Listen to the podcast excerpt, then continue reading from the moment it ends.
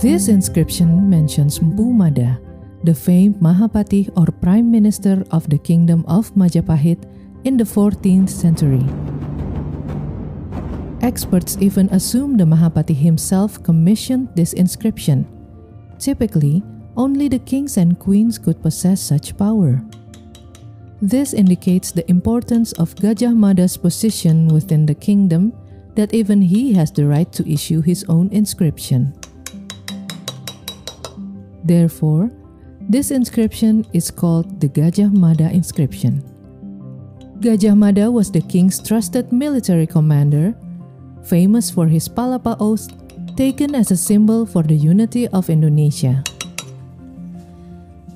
Experts consider the Gajah Mada inscription as the best example of Majapahit era inscriptions, as it was carved on a smooth surface and the letters are clearly legible. Most other inscriptions from the same period are hard to read.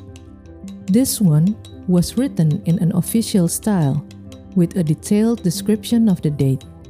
The inscription tells the establishment of Chaitya, or holy temple, by Gajah Mada for the noble Brahmanas of Shiva and Buddha. The building was dedicated to families of loyal subjects and embodied the good deeds of Sang Rakrian Mahapatih Gajah Mada. Música